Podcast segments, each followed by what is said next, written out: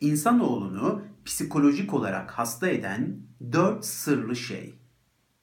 Elbette bizi psikolojik olarak hasta eden birçok faktör olabilir ama ben farkına varamadığımızı düşündüğüm dört sırlı şeyden bahsedeceğim bu videoda size.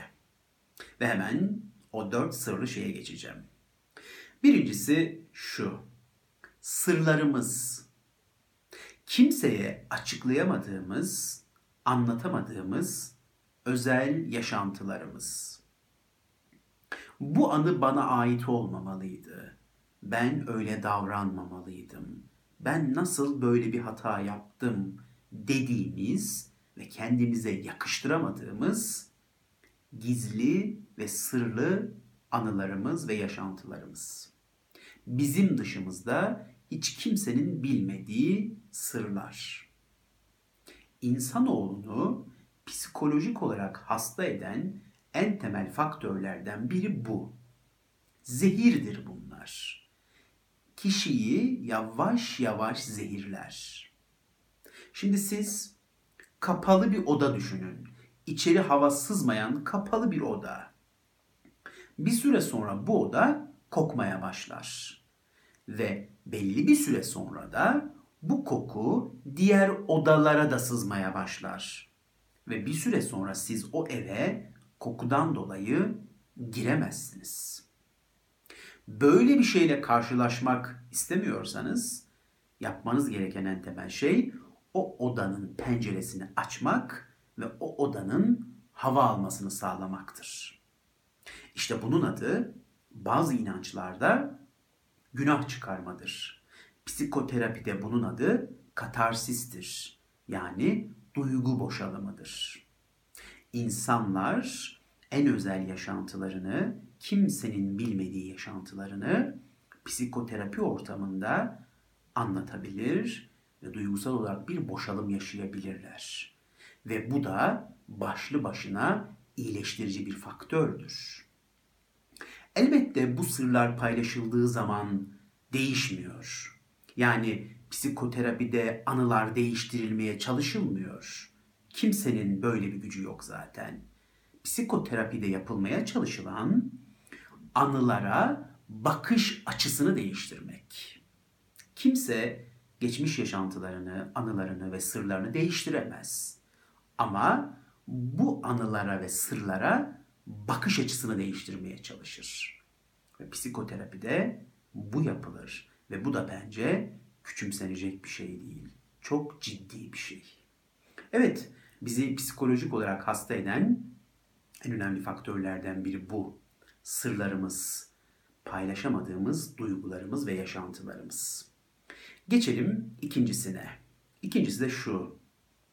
Duyguları yönetme sanatından mahrum oluşumuz. Biz toplum olarak duygularını çok iyi okuyabilen ve bunları çok iyi yansıtabilen insanlar değiliz bence. Duygularımızı rahatlıkla ifade etme konusunda çok ciddi zaaflarımız var. Okulda öğretmensek müdüre kızıyoruz ve bu kızgınlığımızı gidip öğretmenler odasındaki öğretmen arkadaşlara aktarıyoruz. Onlara söylüyoruz o kızgınlığımızı. Bu kızgınlığın muhatabı başka bir yerde ama biz bunu başka bir yere söylüyoruz. İşte adam karısına kızıyor ve bu kızgınlığını kapıyı çarparak, kapıyı kırarak veya yemek sofrasındaysa yemek sofrasını böyle devirerek gösteriyor. İfade edemiyor kızgınlığını ve kapıyla bunu gösteriyor. Aslında bir insanın karısına veya kocasına karşı yaşadığı kızgınlık sonucu kapıyı çarpıp gitmesi demek şu demek. Ben duygularımı yönetemiyorum, bunu beceremiyorum ve işte böyle kapıyı çarpıp gidiyorum demek. Yönetemiyoruz. Birisini seviyoruz, çok güzel bir duygu yaşıyoruz ve bu duygumuzu ona nasıl açıklayacağımızı bilemiyoruz. Velev ki açıkladık, bir süre sonra ayrılmak istedik diyelim. Bu sefer de nasıl ayrılacağımızı bilemiyoruz. Velhasılı duygularımızı ne tam olarak okuyabiliyor ne de tam olarak yansıtabiliyoruz. Haliyle de bir süre sonra işin içinden çıkılmaz durumlarda buluyoruz kendimizi Ve bir bakıyoruz ki psikolojik olarak alt üst olmuşuz. İkincisi de bu. Duyguları yönetme sanatından mahrum olmamız. Bana kalırsa milli eğitimin, anne babaların en önemli vazifelerinden biri bu olmalı. Çocuklarına duygularını yönetme sanatını öğretmek. Bunu yapsalar herhalde çok ciddi bir şey yapmış olurlar. Ha bir de bunun yanına kitap okuma alışkanlığı kazandırsınlar yeter. Bir insana siz bu iki şeyi verin, onu bırakın. O yürür yolunda. Hiçbir şekilde de tökezlemez. Tökezlediğinde de kalkmasını bilir. Başarılı, güzel bir hayat yaşar. Evet, ikincisi de bu. Geçelim üçüncü o sırlı şeye. Üçüncüsü de şu. İlişkilerimizde ve iş yerlerimizde kendimiz gibi davranamıyor olmamız ve ilişkimize, iş yerimize, kendimize ait hissetmememiz. Şimdi düşünsenize hayatımızın büyük bir oranı işimizde ve evimizde geçiyor. Neredeyse hayatımız bu ikisinde geçiyor. Ama biz bu ikisine de kendimize ait hissetmiyoruz. Ne işimize ait hissediyoruz ne de evimize. Ve her ikisinde de kendimiz gibi davranamıyoruz. Tamamen yapmacık davranıyoruz ve başkalarının bizden istediği normlara uygun olacak şekilde davranıyoruz. E bu kadar sahte davranışın sonunda ne olur? Herhalde insan psikolojik olarak alt üst olur. Ne evde kendim gibiyim, ne iş yerinde kendim gibiyim, ne de arkadaşlarımın yanında. Herkesin yanında onların istediği şekilde davranmak zorundayım. Hiçbir şekilde kendimi içimden geldiği şekilde ifade edemiyorum. E doğal olarak bir süre sonra hasta olurum ben. Üçüncüsü de bu. Geçelim dördüncüsüne. O da şu. Büyük resmi görememek. Ne demek istiyorum? Şunu demek istiyorum. Hayatımın genel olarak hangi amaca hizmet ettiğini bilmiyor olmak. Evet, acılar çekiyorum hayatımda, sıkıntılar çekiyorum, yer yer bunalıyorum, düşüyorum, kalkıyorum. E tüm bu çektiğim sıkıntılar hayatımda neye hizmet ediyor? Sonunda geldiğim noktada acılarıma değecek mi? Sıkıntılarıma değecek mi? O kadar anlamlı bir hayat yaşıyor muyum acaba?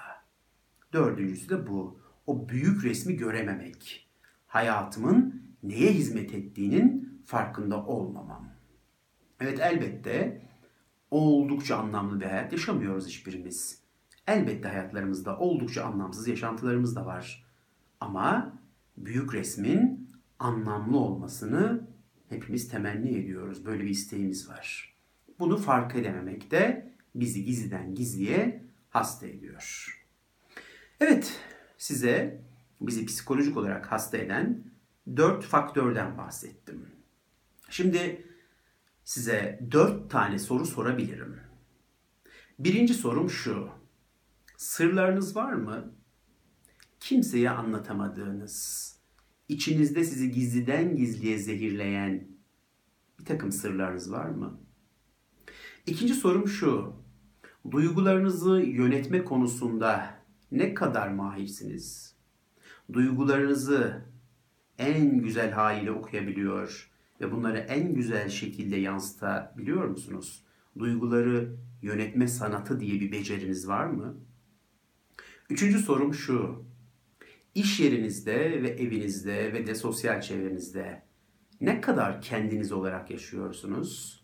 İşinize, evinize ve sosyal çevrenize kendinize ait hissediyor musunuz? Dördüncü ve son sorum da şu. Hayatınızın ana amaç olarak neye hizmet ettiğinin farkında mısınız? Büyük resmi görebiliyor musunuz? Evet, dört tane şahane soru. Bu soruların cevapları oldukça aydınlatıcı olacak. Dinlediğiniz için teşekkür ederim.